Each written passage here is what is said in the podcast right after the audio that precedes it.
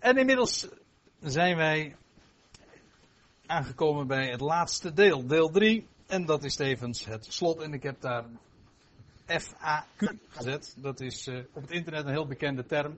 Frequently asked questions. Staat het daarvoor. Veel gestelde vragen. Dus, jullie zaten daarover te dubben wat dat betekende? Ah. Nee. Frequently asked questions. Dat wil zeggen, rond het onderwerp van verzoening kun je een heel aantal vragen stellen. En voor een deel hebben we die al uh, beantwoord. En of, uh, of dat naar tevredenheid is gebeurd, dat is aan u om dat te beoordelen.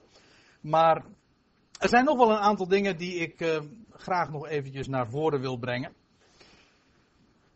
En ik heb eigenlijk zowel vanmorgen als vanmiddag nog nauwelijks daarover gesproken. Ik vind eigenlijk ook het minst interessante deel. Maar om nu in deze laatste bijeenkomst nog eventjes de confrontatie aan te gaan, zeg maar, met wat gangbaar is in de theologie, kan geen kwaad. Eerst gewoon ons bijbels oriënteren, wat zegt de schrift erover. En dan vervolgens je ook nog eens de vraag stellen, maar hoe wordt dat eigenlijk vanuit de theologie benaderd? Niet echt interessant, maar voor sommige mensen denk ik wel. Hoe wordt verzoening traditioneel christelijk benaderd?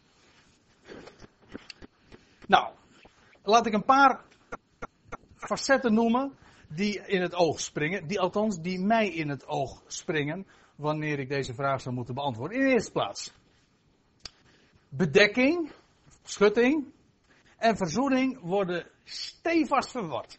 Zelfs waar men wel, zoals in de niet-Nederlandstalige wereld, bijvoorbeeld in de Duitse of in de Engelse wereld, waar men wel keurig twee verschillende vertaalwoorden heeft. In Nederlands heeft gewoon dat handicap die heeft. Uh, daar wordt alles maar met verzoening weergegeven, of het nou kafar is of uh, catalasso. Maar hoe dan ook, ze worden toch verward. In Nederlands helemaal, maar zelfs in het buitenland. Een tweede karakteristiek van de traditionele verzoeningsleer is dat God voorgesteld wordt als een vijand die verzoend moest worden. Dat is heel karakteristiek. Een derde kenmerk is, en daar hebben we het vanmorgen al over gehad, Christus offer werd gebracht op Golgotha en schonk God voldoening. Een van de standaardfrasen in verband met deze in verband met dit onderwerp is verzoening door voldoening. Dat is misschien wel de, de kernachtige traditionele samenvatting van de verzoeningsleer. Verzoening door voldoening en daarmee wordt dan bedoeld dat op Golgotha aan Gods recht voldoening gegeven werd en Gods toren gestild werd en Gods toren werd voldaan. En het offer van Christus is Golgotha. Ik ik heb een heel aantal jaren in de kringen van de vergadering van gelovigen vertoefd. En daar heb ik enorm veel uh, bijbelstudie, mag ik wel zeggen, gedaan en gehad en gekregen, gelezen. En, ik, en in die kringen is, het heel, is dit onderwerp van de offers heel bekend. Ik, uh, ik heb talloze boeken en, en uh, gelezen, maar ook studies gevolgd. Waarin ingegaan werd op de offers en de betekenis daarvan. En ik heb er enorm veel van opgestoken. En mede, daardoor ja, heb je ook die kennis opgebouwd over de offers. Maar een van de dingen die mij daarbij altijd, en vooral nu is, is me dat wel zo, zo duidelijk geworden. En waarin dat echt mis is gegaan. Als je verklaringen leest over de betekenis van de offerdienst. Of een verklaring leest over de tabernakel en hoe dat aan toe ging. Dan wordt altijd gezegd dat het offer van Christus Golgotha was. En nou moet ik er meteen bij zeggen, niet dat het er niks mee te maken heeft, maar ik, ik heb dat vanmorgen natuurlijk wel, ja, ik hoop voldoende duidelijk gemaakt. Het, de slachting van het offerdier, dat verwijst naar Golgotha. Maar de offerande volgde daarop, en dat was voor God tot een liefelijke reuk, namelijk toen hij verhoogd werd op het altaar. En ik moet u zeggen, dat verklaart voor mij zo'n beetje alles over dit onderwerp. Dat verklaart ook waarom God daarin vrede vond. Waarom God, dat voor God een liefelijke reuk was. Zo heb ik bijvoorbeeld een, een, nog een boekje, ik zal de naam van de schrijver niet noemen, maar die schreef dat het kruis van Golgotha en voor God heel afschuwelijk was, waardoor hij zijn aangezicht moest afwenden en tegelijkertijd tot op het hoogtepunt verheerlijkt werd. En, en dan gaat hij erop in van dit is een mysterie. Dat is, dat is altijd, de, u weet, dat is een stoplap. Dat werkt namelijk altijd. Als je het niet kan verklaren. Als je, je kunt zelfs de grootste absurditeit vertellen. En als je dan vervolgens zegt, maar het is een mysterie. Ja, dan hoef je, ben je ontslagen om vervolgens daar nog tekst en uitleg aan te geven. Maar, en als je op school zit, heb je een onvoldoende. Ja. En ik ben best bereid om te aan te nemen dat de dingen in de schrift boven ons verstand uitgaan. Dat is ook zo.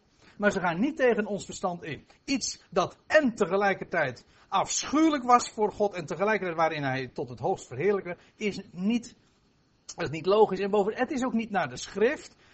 Wat naar de schrift is dat hij als zond, uh, als zonde, uh, of laat ik het anders zeggen, dat hij buiten de legerplaats, buiten de stadsmuren aan het hout hing en daar de vervloekte was. Inderdaad, verbrand. Buiten de legerplaats, in de duisternis van God verlaten. En wat naar de schrift is dat hij vervolgens daarna dus verhoogd werd. En dat was voor God de liefelijke reuk. En dan hoef ik dus niet meer aan te komen met mysteries. Dat is gewoon duidelijk. En dan heb je dus ook niet meer het verhaal van ja, God was toornig. Of laat ik het, laat ik het uh, ja, daar kom ik straks nog even op. Ik, ik laat het nog even rusten. Uh, maar en, en, en, dat is dus een derde kenmerk van de traditionele verzoeningsleer. Het offer van Christus is Golgotha. Dus bij, er is niemand die dat corrigeert. Zeg van, maar, maar het was toch anders? Het was toch eerst, het offer, eerst de slachting en daarna het offer?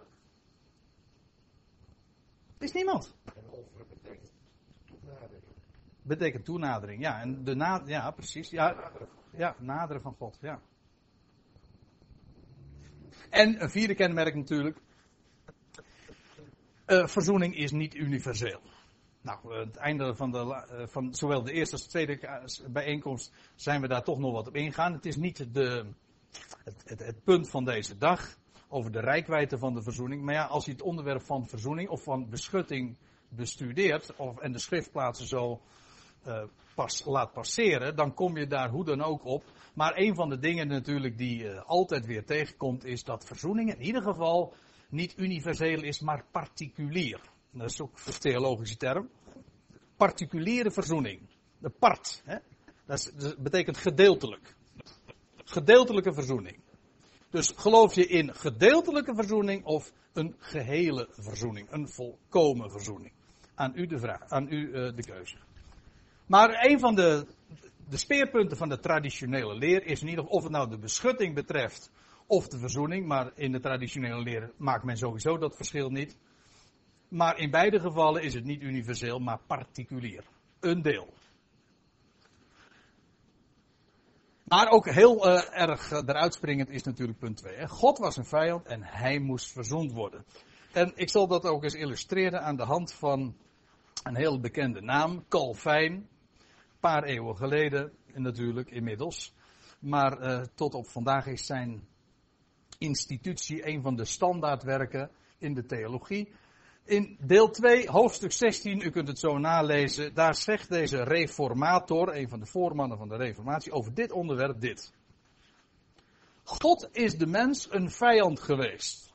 God de Vader is door Christus offerande voldaan, en dan bedoelt hij dus het sterven, voldaan en verzoend. Zijn gramschap is door deze voorbidder gestild.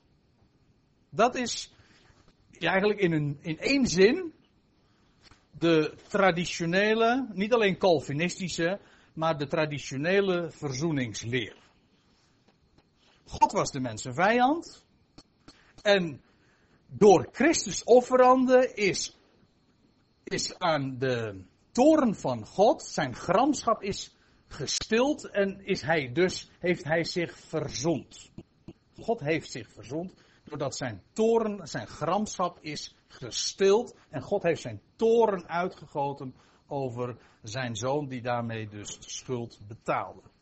Dat is, dat is de traditionele leer. Ik zal u nog een voorbeeld geven in de kanttekeningen van de Statenvertaling bij 1 Johannes 2 vers 2.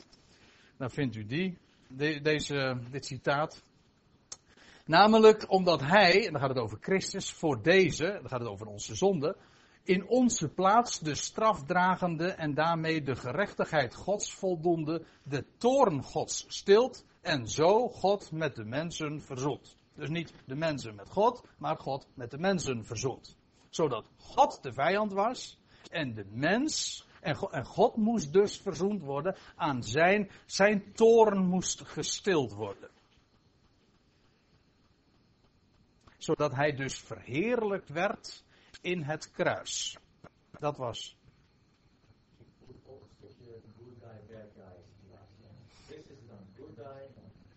Daarom is het ook zo dat in twee Romeinen, wat was het ook alweer? In, ja, in Romeinen 5, dat vertaald wordt van, en wij roemen daar niet alleen, wij roemen zelfs in God.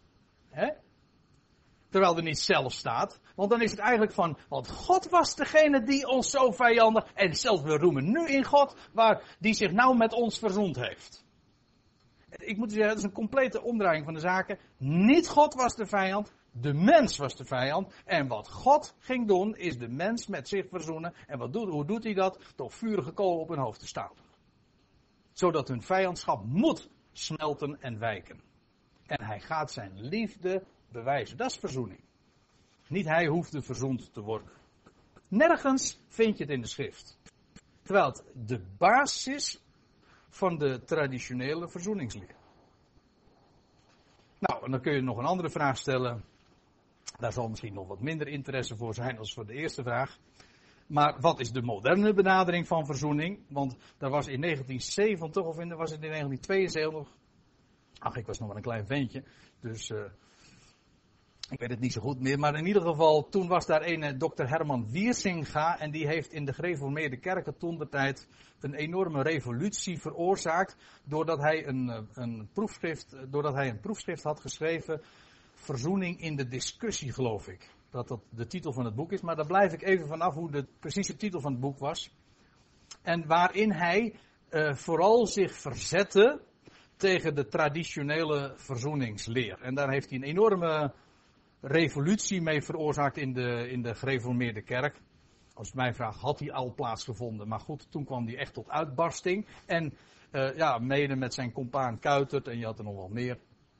Was het ook niet Baarda, die uh, een van de namen die, uh, die allemaal figuren die zich keerden tegen het traditionele denken. En daar zou ik mij graag bij geschaad hebben, waren het niet dat zij helemaal niet waren van het soort van, wij moeten weer terug naar de schrift, niet terug naar de reformatie, niet naar confessio reformata, nee, terug naar, uh, hoe was het, sola scriptura.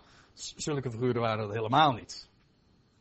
Kuit het ontkende, ach, en dat was met de Wierzinga ook. En die Den Heijer waar ik het over heb, dat is, een, dat is van iets later. Ik, als ik me niet vergis is Den Heijer ook nog een, eh, een Rijnsburger van origine. Ja, dat, ja het, Maar die heeft uh, in, de, in het vorige decennium was, heeft hij nogal wat in het nieuws gestaan. Ook met soortgelijke opvattingen over de verzoening als ook gaan naar voren bracht. En uh, een van de, nou laat ik het, uh, wat is karakteristiek voor die moderne, tussen aanhalingstekens, benadering van verzoening. A, het verzet zich tegen de klassiek juridische benadering van verzoening. En wat bedoel ik daarmee? Waarbij en die lijn is al heel oud. Die is echt niet begonnen bij Calvijn. Ik gaf u dat citaat zojuist van Calvijn. Maar die, dat type denken, dat gaat al veel verder terug. En eigenlijk al terug naar Augustinus. Hij is degene die die lijn heeft ingezet. Als je tenminste de mensen, de kerkgeschiedenisbeschrijvers, eh, de kerkhistorici mag geloven. Augustinus is bij, is, sinds Augustinus is er een een wissel gezet en is dat denken van de verzoening heel erg strak juridisch geworden. En dat heeft vooral zijn vorm, zijn beslag gekregen bij een Anselmus van Canterbury. Dat schijnt een Italiaan van kom af geweest te zijn, maar hij werd op een gegeven ogenblik aartsbisschop. Het was zo rond de millenniumwisseling. Ik bedoel, de eerste. Dus rond het jaar 1000. uh, rond het jaar 1000 was hij uh, bisschop, aartsbisschop van Canterbury. En, maar deze Anselmus die heeft zich die heeft zich nogal sterk uh, gemaakt met het verdedigen, met apologetisch werk, maar waarbij hij ook de verzoening uh, in juridische termen ging bewijzen en verklaren. De mens had een schuld. En de mens kon de schuld niet betalen. En die schuld moest toch betaald worden. En dus kwam er iemand die, uh, die inderdaad wel in staat was om de schuld te betalen. En niet alleen maar in termen van schuld, maar ook het recht moest zijn beloop hebben.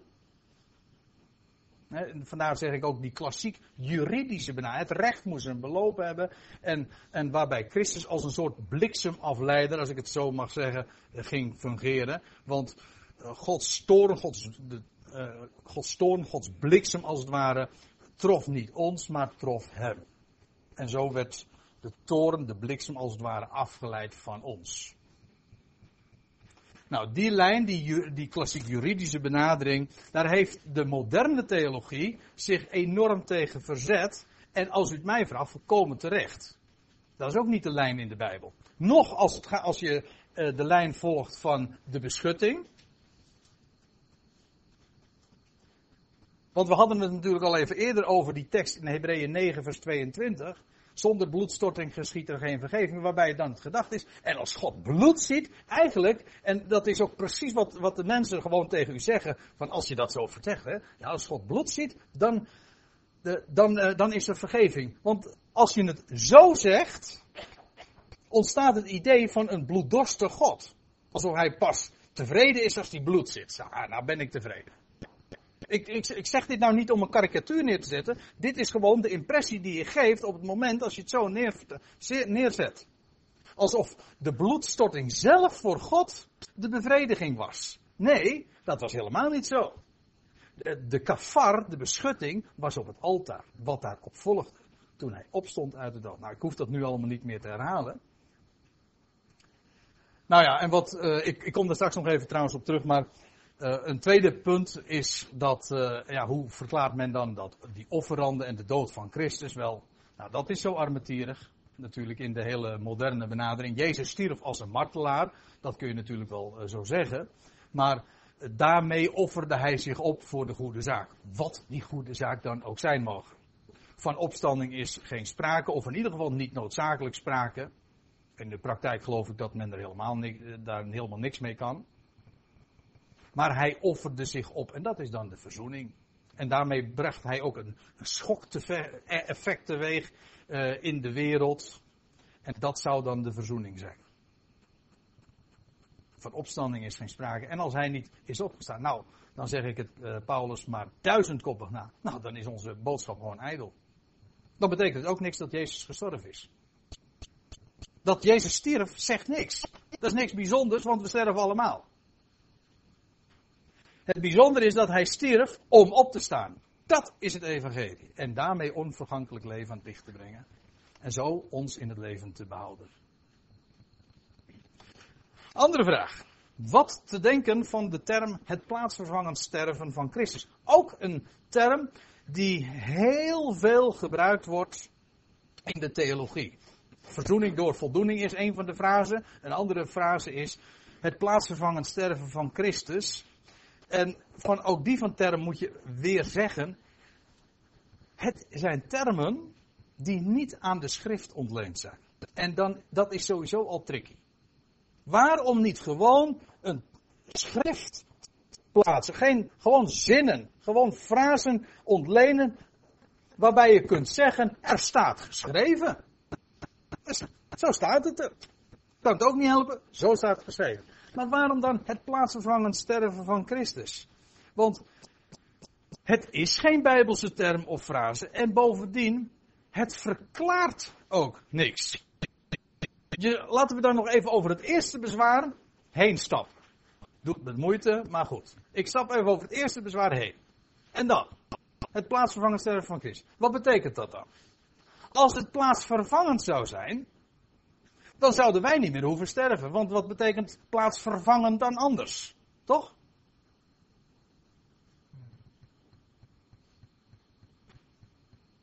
Ja, hoor ik dan iemand zeggen. Maar dat is, dat is wat anders. Jezus stierf niet plaatsvervangend voor onze gewone dood, maar hij stierf de eeuwige dood. Moet ik weer eventjes een rood bordje opsteken? Ah, ah, eeuwige dood, is dat een Bijbelse term? Nee. Hè? Ja. Even los daarvan. A, het is geen Bijbelse term. B, men vult eeuwig verkeerd in. Als eindeloos, maar daar ga ik het dan helemaal maar even niet over hebben. We gaan nemen het eventjes met de lading die men, men eraan geeft. Zeg van de eeuwige dood dan, de, de nimmer eindigende dood. Wel, die dood stierf Christus. Dan zeg ik van, dat is helemaal erg. Want dat betekent dat we alsnog dat de boodschap ijdel is geworden. Want als Christus een nimmer eindigende dood is gestorven, dan is onze boodschap ijdel. Hij stond namelijk op op de derde dag. Dus ik kan deze term niet plaatsen omdat ik hem domweg niet in de schrift tegenkom, dat is één. En punt twee, het verklaart niks, integendeel, het maakt het alleen maar duisterder. Dus wat schieten we ermee op?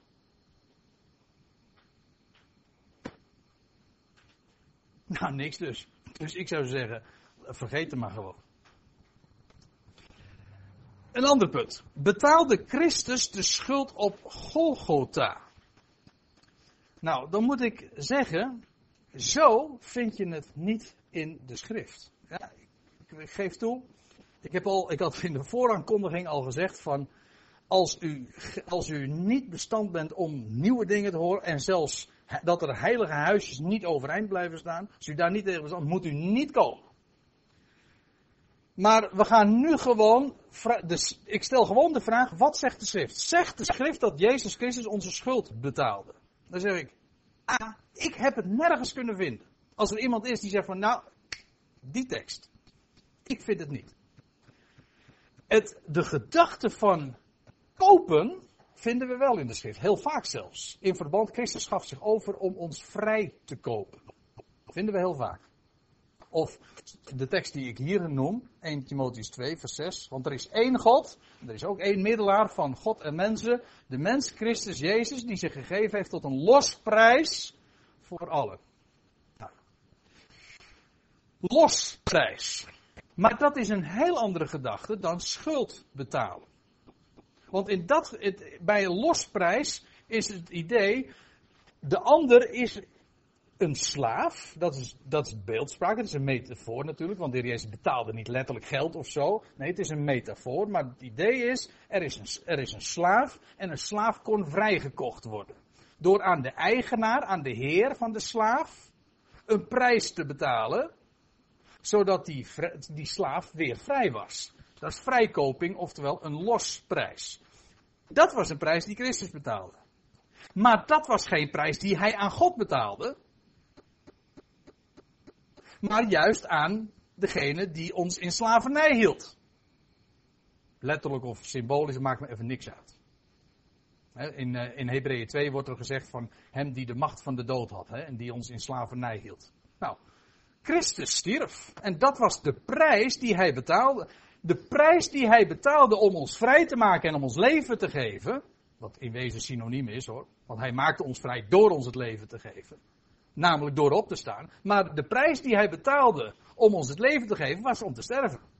Ja, de dood. Ja, wat zeg ik? De dood van het kruis. Dat was de prijs die hij betaalde. De hoogste prijs die je maar kunt denken. Maar dat was niet de prijs die hij betaalde aan God om een schuld af te betalen of zo. Integendeel, dat was de prijs die hij betaalde feitelijk aan hem die ons gevangen hield. Namelijk de dood. Of van mijn part hem die de macht van de dood heeft. Maar dat maakt me nu even niet uit. Maar niet een prijs die aan God betaald wordt. We zijn in de openbaring 5, ik heb het nu niet opgezocht, of ik heb het nu niet uh, als plaatje erbij gedaan, maar in openbaring 5 staat nog van, dus, dan zeggen de oudsten, die bezingen dan het lied en dan, zegt, dan staat er, uh, dan wordt het, het lam aangesproken en dan zegt er, want gij hebt ons voor uw God en Vader, hoe staat het er precies? Ik hou, hou me te goede, maar in ieder geval staat er, gij hebt ons voor God gekocht. Niet aan God betaald of zo, maar voor God gekocht, zodat we zijn eigendom zouden. Want we waren slaven van de tegenstander, van de dood, en we waren gevangen van de, de zonde, en we zijn vrijgekocht, zodat we zijn eigendom zouden worden. Maar dan zijn we voor hem gekocht. En dus niet, dan is de prijs niet aan God betaald, maar juist de prijs is door God betaald aan de tegenstander, of aan hem die ons gevangen hield, of hoe je het ook maar zeggen wil. Dus hoe dan ook, dan kom je niet uit bij dat idee van de schuld die betaald werd. Dus het, eh, de, de, de prijs is betaald, dat is waar. Maar dat dat een schuld zou zijn aan God, dat vind ik niet in de schrift. Wat betekent van die middelaar? De middelaar, er is één God, er is ook één middelaar van God en mensen. Nou, een middelaar is één, ja, dat staat al in gelaten 3, hè, wordt het ook, hetzelfde woord ook gebruikt. Van een middelaar is niet, een, uh, is niet van één, maar van twee. Hè. Dat is logisch. Wel, er is één God. En wij, hoe kennen wij die God? Door, want God is de onzienlijke. Wel, wij kennen hem doordat hij zich geopenbaard heeft. Middels hem kennen wij God. En middels hem komen wij en naderen wij ook tot God. Want hij is namelijk degene geweest die, ons die gestorven is om ons het leven te geven. Dus wij, wij naderen tot God door hem, maar God ook nadert tot, nee, ik moet het omkeren. God komt tot ons door hem en wij naderen tot God door hem, ook door hem. Dus in beide gevallen is hij dus uh, een middelaar, zowel voor ons als voor hem. De mens, Christus Jezus, die zich gegeven heeft tot een losprijs. Want het is uiteraard niet God die zich gegeven heeft, want God sterft niet. Maar de mens, Christus Jezus, die stierf. En hij uh, betaalde de los, hij gaf de losprijs. Hij heeft zichzelf, hij is zelf die losprijs uh, voor allen. En ik laat het woord allen nu uh, besproken, want dat heb ik al genoeg benadrukt. Maar het is wel erg mooi natuurlijk. Predikte de apostelen vergeving dankzij het kruis. Nou gaan we eens een keertje langs het boek Handelingen. Hoe werd dat nou in het boek Handelingen gepredikt? En ik, ik ben niet eens compleet, want dan zou het lijstje een beetje te lang worden voor dit uh, laatste uurtje. Maar het zal u verbazen. Predikte de apostelen vergeving dankzij het kruis. En dan zeg ik, nee, de apostelen predikten vergeving ondanks het kruis. Ik zal het u laten zien. De eerste. Petrus op het tempelplein. Predikt daar. Pinksterdag. Waar praat hij over met Pinksteren? Over Pasen. Ja, leuk. Deze Jezus, let op, naar de bepaalde raad en voorkennis van God uitgeleverd. Ik, ik moet er even stilstaan. stilstaan. Want let op wat hier staat. Naar de bepaalde raad en voorkennis van God uitgeleverd. God wist het van tevoren. Het was naar de voorkennis van God. Hij wist uiteraard ja, dat is een open deur intrappen natuurlijk, want God weet alle dingen van tevoren. Maar dat niet alleen. Hij heeft het niet alleen geweten van tevoren, hij heeft het ook bekendgemaakt van tevoren. Hij heeft het zelfs al, uh, hij heeft het voorzegd, maar hij heeft het zelfs in beelden al laten zien. In wezen heel de offerdienst is in beeld, of beter in schaduw, verwijst dat naar hem die zou komen. Naar hem die zou worden uitgeleverd. Die zijn bloed zou storten. Het was naar de voorkennis van God, maar het was ook naar de bepaalde raad. De raad is hier het woordje bedoeling. Het woord, wat was het ook weer? Hm? Bolema, ja precies, dat, dat woord. De bedoeling. Alle dingen gaan naar de. Uh, Efeze 1 wordt er gezegd van dat het al geschiet naar de raad van God. Naar, niemand heeft, staat in, dat staat in Romeinen 9, niemand heeft ooit zijn, in de NBG-vertaling staat, zijn wil weerstaan. Dat is niet waar, want iedereen weerstaat zijn wil. Niemand heeft ooit Gods raad weerstaan. Nooit. Toen Adam van de vrucht at, weerstond hij niet Gods raad, want dat is onmogelijk.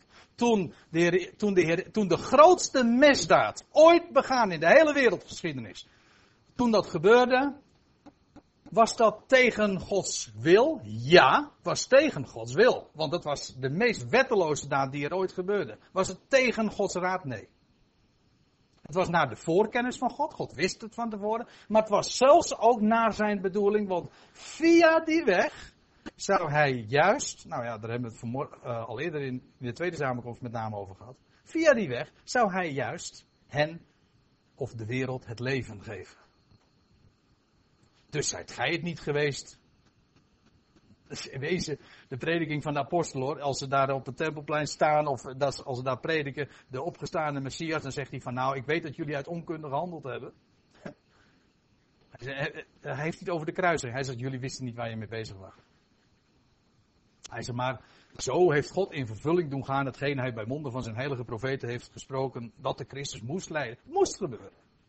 Het moest gebeuren. Niet omdat het Gods wil was. Het was tegen Gods wil. Maar het moest gebeuren, want het was van tevoren gezegd. Moest de Christus, zegt de Heer Jezus tegen de Emmersgang, moest de Christus dit niet leiden om al zo in zijn heerlijkheid in te gaan? Ja, het stond van hem geschreven. Dat het zo zou gaan en dat het dus ook zo moest gaan en dat het juist ook op die manier God het ultieme bewijs van zijn liefde wilde leveren, want dat was waar het bij de verzoening om ging. De mens was een vijand, de mens beschuldigde God en God moest dat eh, dat, die beschuldiging weerleggen. En hij heeft dat gedaan. Zodat de vijandschap van de mens dus geen enkele poot meer heeft om op te staan. Dat is het verhaal. Goed, hij is dus, de heer Jezus is overgeleverd, gekruisigd, naar de bepaalde raad en voorkennis van God. Maar daar staat er, die hebt gij, nou laat ik de zin nog even goed lezen, helemaal. Deze, de heer Jezus dus, naar de bepaalde raad en voorkennis van God uitgeleverd, hebt gij door de handen van wetteloze mensen aan het kruis genageld en gedood. Dat hebt gij gedaan. God evenwel heeft hem opgewekt. De slachting is mensenwerk. Dat moest de priester doen. Als het gaat om het altaar. Dat was helemaal voor Gods rekening. Dat kan nou, weet u waarom? Dat is heel makkelijk te verklaren. Dat kan een mens namelijk niet. De mens kan wel doden, maar het probleem is, de mens heeft geen macht over de dood. Bij de dood staat alles stil. Maar God heeft de macht over de dood en heeft hem uit de dood doen opstaan. Oftewel, hij heeft hem verhoogd en hij deed hem verrijzen. Zodat het offerdier, althans de ziel van het offerdier, alsnog gewoon voortleefde. Als ik het zo mag zeggen. Ik weet even niet hoe ik het beter moet zeggen. Dat heeft God gedaan. Dus het ene deed de mens. Hebt gij gedaan door de handen van wetteloze mensen aan het kruis genageld. Maar God zegt, God heeft hem, God evenwel, uh, zegt Petrus hier dan, God evenwel heeft hem opgewekt. Dus jullie hebben hem gekruisigd, maar God heeft hem opgewekt. Handelingen 3. Zijn we nog een hoofdstuk verder. Zijn we trouwens weer op het Tempelplein. Naar aanleiding van die geschiedenis van de mens, van die man die uh, als 40-jarige, die verlamde bij de poort, die genezen werd. Nou, dan zegt de Petrus, en de leidsman ten leven, die hebt gij gedood. Maar God heeft hem opgewekt uit de doden, waarvan wij getuigen zijn. Dus niet van, dankzij dat kruis is er vergeving voor jullie. Nee, de kruisiging is juist, daarmee heeft de, de mens de grootste schuld op zich geladen. Door die bloedstorting heeft de mens de grootste schuld op zich geladen. En juist dan zegt God, nou ga ik vergeven. Ik ga pas vergeven wanneer de grootste schuld is, de grootste schuld is, uh, de grootste misdaad is begaan. En daarmee dus de grootste schuld eigenlijk is, help me eens opnieuw, bent u nog wakker, is opgeladen zeg maar. Niet het goede woord, maar ik weet even niks beters.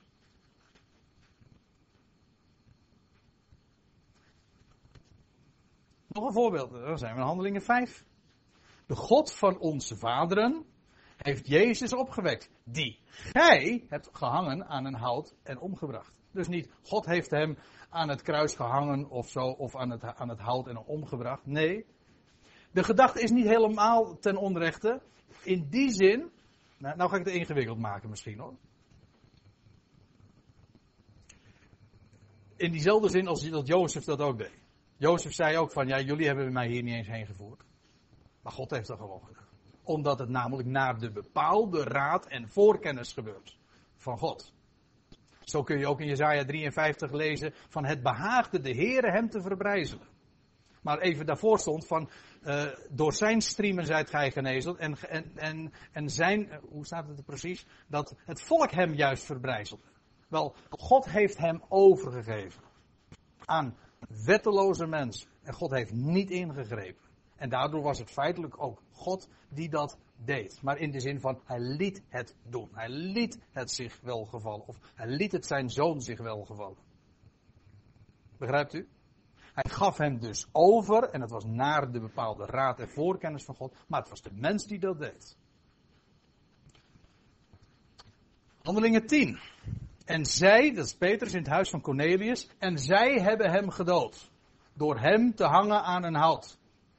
Hem heeft, hem heeft God ten derde dagen opgewekt. En heeft gegeven dat hij verscheen niet aan het gehele volk, doch aan de getuigen.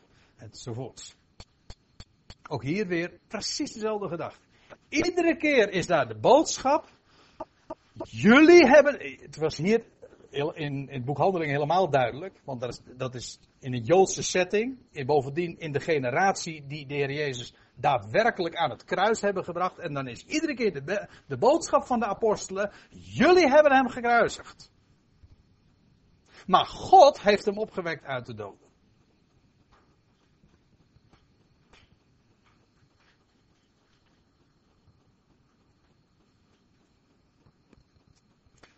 Oh. Nou, zover moet ik nou, denk ik ook nog niet. Handelingen 13. Daar is het Paulus trouwens. In het buitenland. En dan zegt hij. En hoewel zij geen, en, hoewel zij geen grond vonden voor doodstraf. Hoewel zij geen grond voor doodstraf konden vinden. Hebben zij, zij, de Joden dus, Pilatus gevraagd hem ter dood te brengen. Zodat het zowel Jood als heiden was die hem inderdaad aan het kruis brachten. Zodat de hele wereld dus feitelijk schuldig daarin is. Met in feite dan het, de, de godsdienstige kern die hem feitelijk aan het kruis heeft gebracht. Dus zeg nou niet van ja, het waren de heidenen die dat gedaan hebben. In wezen, het was op instigatie, het was op initiatief, juist van de godsdienstige upperterm. Het waren de priesters die hem slachten. Maar zo moest het toch ook? Ja, zo moest het. Wat zeg ik, hè? De priesters moesten een dier slachten. Ja, en dat is precies ook. En hoe, weet u hoe dat met het lam van, ook alweer ging, met het paaslam? Dat moest gebeuren op de 14e Nisan. Dat is precies ook de datum inderdaad dat hij geslacht is. Dat moesten de priesters gebeuren. Uh, later, in, later instantie lees je dat dat inderdaad daadwerk was van de priesters. Priesters waren er inderdaad om het dier te slachten. En dat hebben zij gedaan. Niet omdat dat Gods wil was. Het was wel naar het. Hoe staat het in Hebreeën ook alweer? In Hebreeën 10 is het, geloof ik. Dat, en dat wordt al geciteerd uit het Oude Testament, uit de profeten. Dat God geen behagen heeft in brandoffers. Nou moet ik het even goed citeren hoor, Hebreeën 10. Ogenblikje. Want ik weet het even niet goed uit het hoofd voor te lepelen. Even kijken. Daar staat.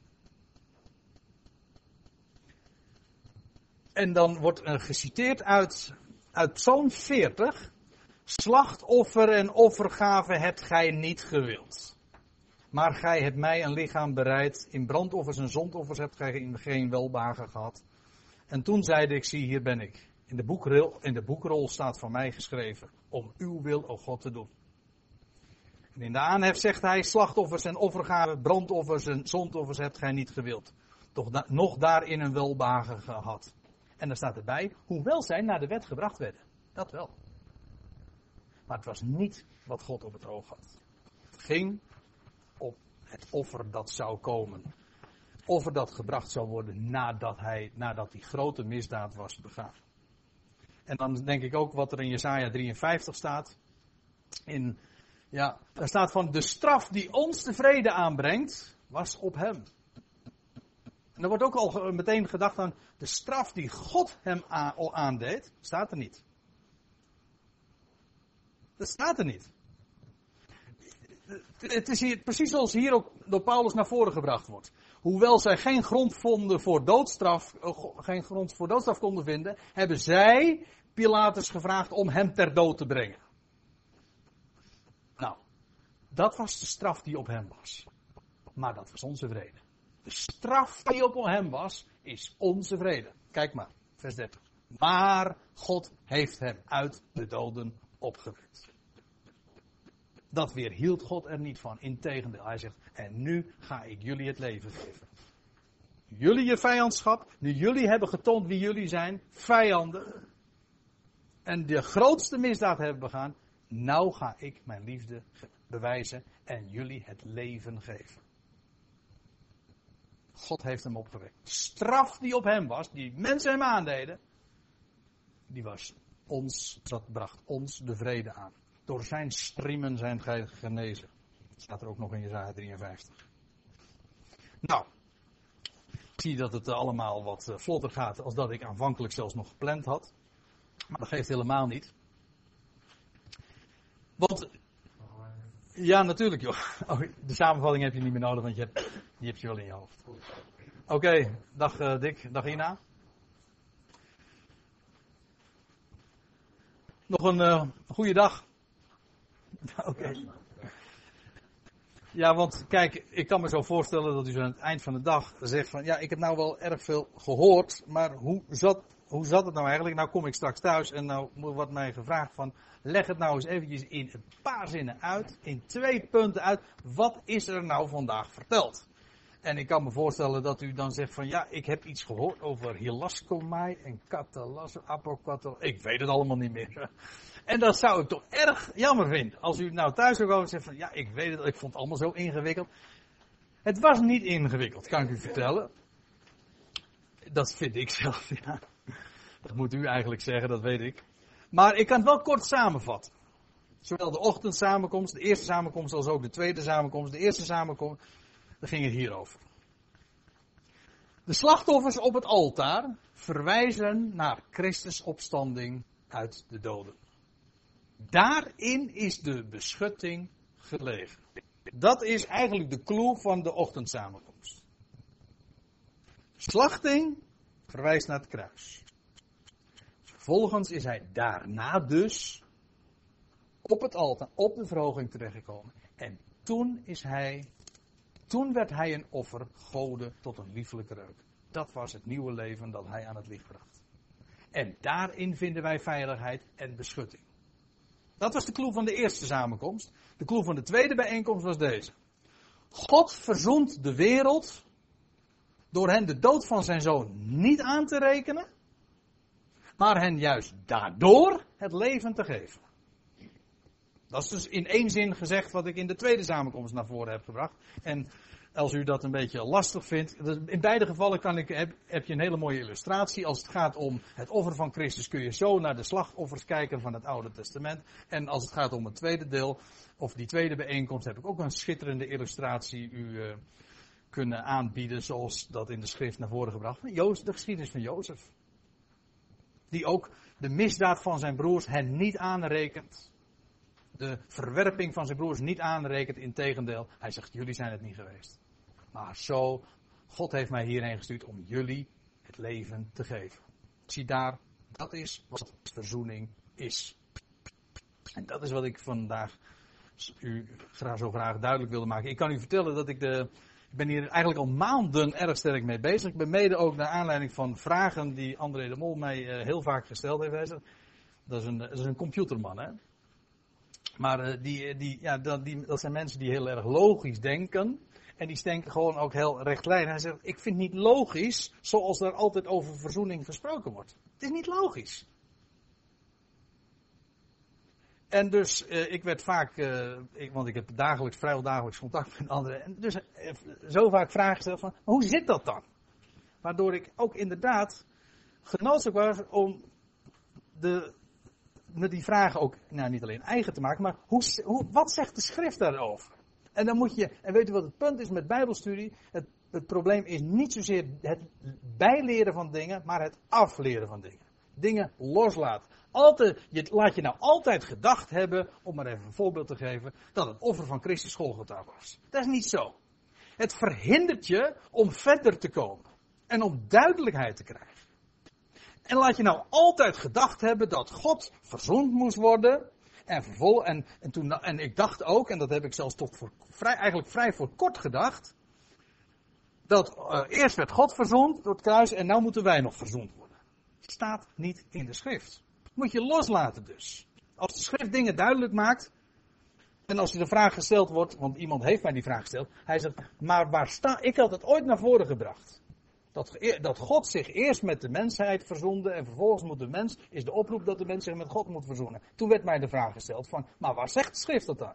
Dat God zich met de mensheid verzoende. Is de God, God is nooit een, een vijand geweest. En dat was een enorme eye-opener. En dan ga je, en dan ga je zoeken. Dan ga je, zoek je alle schriftplaatsen op die daarmee te maken hebben. En het is gewoon waar. En dan moet je je conclusie trekken. Zeg ja, als de schrift dat zo zegt, dan is dat gewoon zo. En ik moet u zeggen, als je dan eenmaal op dat pad bent, en dat pad dan volgt, dan klaart de duisternis inderdaad op. Ik moet u zeggen, ook in verband met al die vragen die ik in de aanvang stelde. Weet u nog, in de eerste samenkomst. Die verdwijnen als sneeuw voor de zon. Ik hoop dat het u net zo vergaan is. Die verdwijnen als sneeuw voor de zon. Zodra je inderdaad dit licht dan opgaat. En als, als, als je dit bijbelslicht op het onderwerp laat schijnen. En ik hoop dat het u dezelfde ervaring zo daarmee hebt opgedaan. Nou, is er in principe nog tijd voor één, twee vragen. Zo niet, dan uh, sluiten we gewoon af met het zingen van nog een lied. Rijtsen. Oei, we hebben, uh, vorig jaar hebben we nog eens een een hele aparte Bijbelavond daaraan gewijd. Maar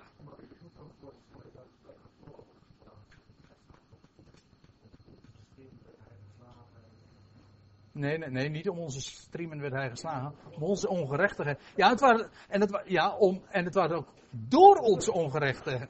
Door onze ongerechtigheden werd hij geslagen.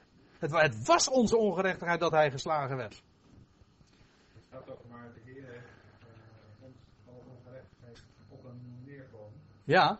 Dat zou je kunnen zeggen. Ik dacht ook dat dat de plaats van het lijden Ja, maar kijk, ook dat.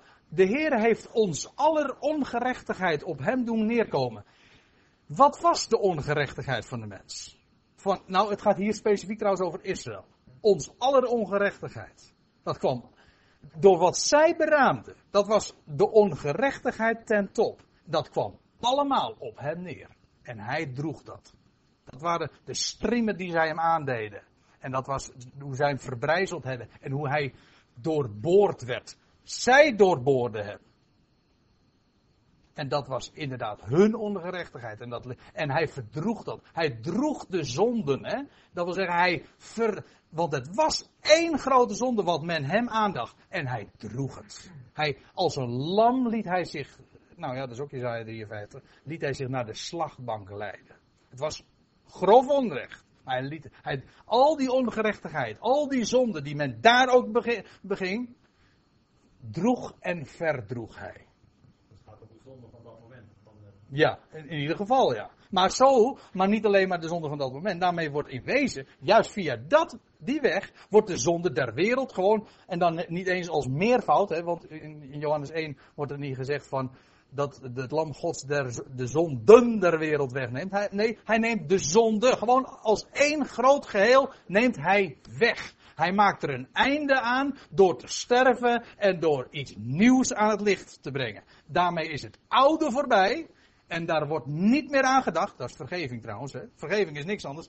We praten er niet meer over. We denken er zelfs niet eens meer aan. Vergeven, vergeten, voorbij. Zie, het nieuwe is gekomen. Dat is de zonde die weggedaan wordt. Door die weg van dood en opstanding. Maar spreek met twee woorden. Niet door zijn dood, maar door zijn dood, ja, door zijn dood heen en dus in de opstand. Aan het, ja, aan wat, ja, dat staat in, in verband met de, ja, dat staat, is heel mooi trouwens, in Jezaja 65, ja, 65 staat dat, aan wat vroeger is, was, zal niet meer gedacht worden. Waarom? Omdat er iets nieuws is gekomen. Iets nieuws er is, waardoor al het oude in één keer helemaal vergeten is. Nou, dat is eigenlijk wat vergeving is. God heeft iets totaal nieuws aan het licht gebracht. Overwinning. Hij heeft leven gegeven. En, en daardoor wordt aan het oude inderdaad niet meer gedacht. Dat is de vergeving die hij wil. de verge- vergeving die hij geeft. Tot die opmerking die net gemaakt werd voor het offer, het is van karaf de korban. Naderen tot God. naderen tot hem. Dus, dus Zo worden wij ook nader tot God gebracht. ja, En leren wij hem kennen, wie hij werkelijk is. Maarten, ook tenslotte. hè? Vraag ik zo over de vergeving waar je net het beantwoord. Oh, nou, dat is makkelijk. Ja. had het over dat de verzoening Golgotha, dat eigenlijk gebeurt met de hè. De verzoening. Nou, door zijn dood. Wat, hebben we het nou over beschutting of over verzoening? Nou ja, over de verzoening. Ja? Kan je nou veel denken voor een paas? Ja. Dat is juist dat de Egypte. Ja. Dan staat er ook van het bloed moet worden. Ja. De. En dan en de engel het bloed ziet, Dan zal hij voorbij gaan. daar gaat hij voorbij. Ja. Dus Ja, maar dat, ja, er staat trouwens ook, eh, dan wordt het woord, eh, want Pascha, degenen die de laatste tijd mijn site hebben gevolgd, die hebben dat kunnen lezen. Pascha betekent niet, en ik heb het ooit van, eh, van nou, mijn vader kent de naam wel die ik nu noem. Ik heb het ooit van Niftal gehoord. Dat was een Hebreeuwse, een Jo- Joodse collega die we hadden. Hij zegt, hij zegt, ze zeggen allemaal dat Pesach, dat was dat was een Israëlische jongen. En die zei, ze ze zeggen allemaal dat Pesach, of Pascha, dat, dat betekent voorbijgaan. Hij is niet waar, hij zegt, dat betekent overspringen. Eigenlijk gewoon, ja, to skip, hè, zeggen de, zegt de concordant version. Springen, dat klopt. En uiteraard klopt, want hij, hij kende Hebreeuws. Hij, hij wist wat het betekende. Maar dat springen heeft trouwens alles te maken met nieuw leven. Hè? Want die verderving, die sprong over. Hè? Pesach heeft te maken met spring. Als ik het zo zeg. Ja, met de lente, inderdaad, met nieuw leven. En daarom weet u ook waarom het meteen in die maand gevierd wordt.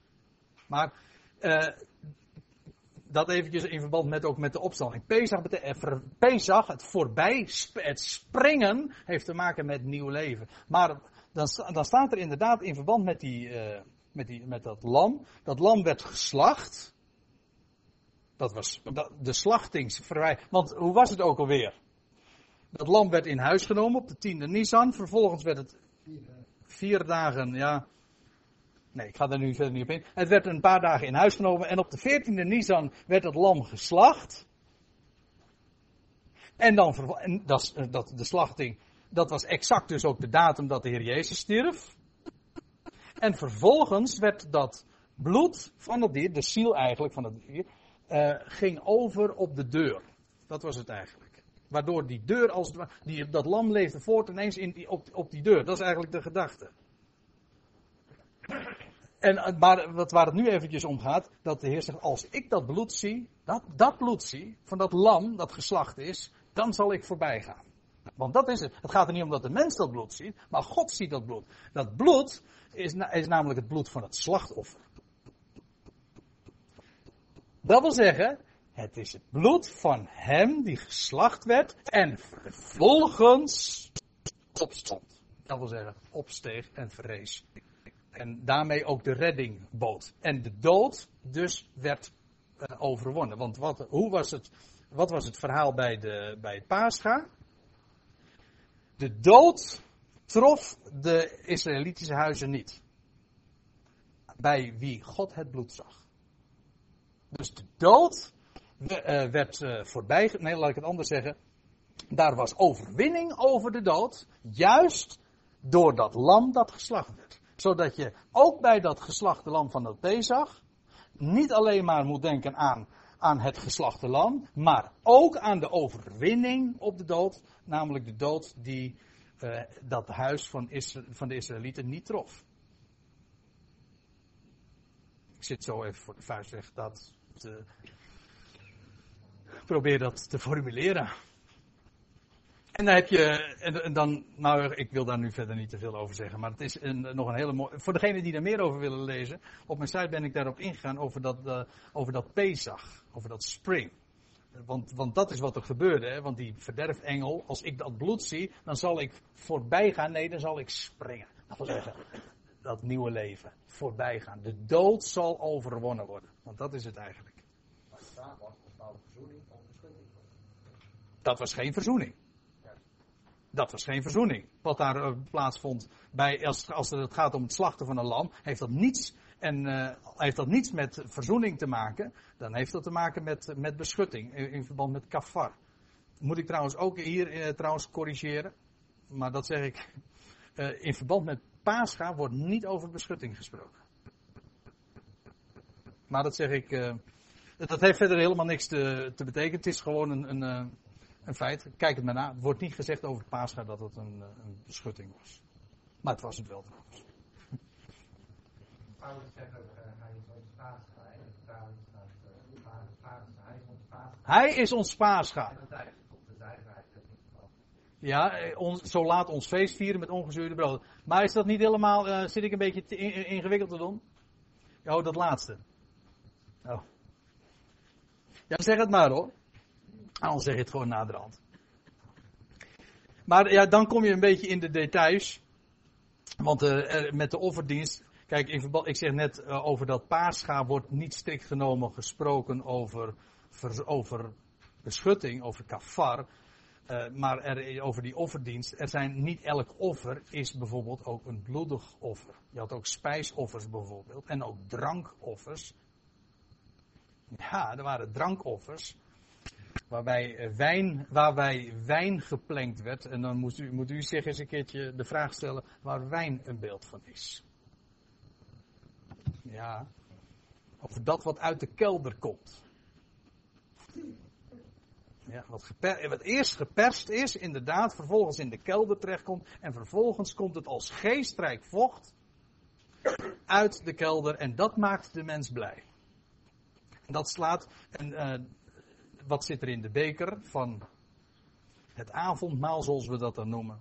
Wat in, in de beker, daar zit wijn in. Maar dat spreekt inderdaad van het bloed van Christus. En wat is het bijzondere van het bloed van Christus? Wel, dat is dat hij stierf om op te staan uit de doden. Dat is de essentie van het bloed van Christus. Goed. Nou, ik stel voor dat we het daarbij laten. Keurig op tijd. En ik stel voor dat we nog een lied zingen. En dan moet ik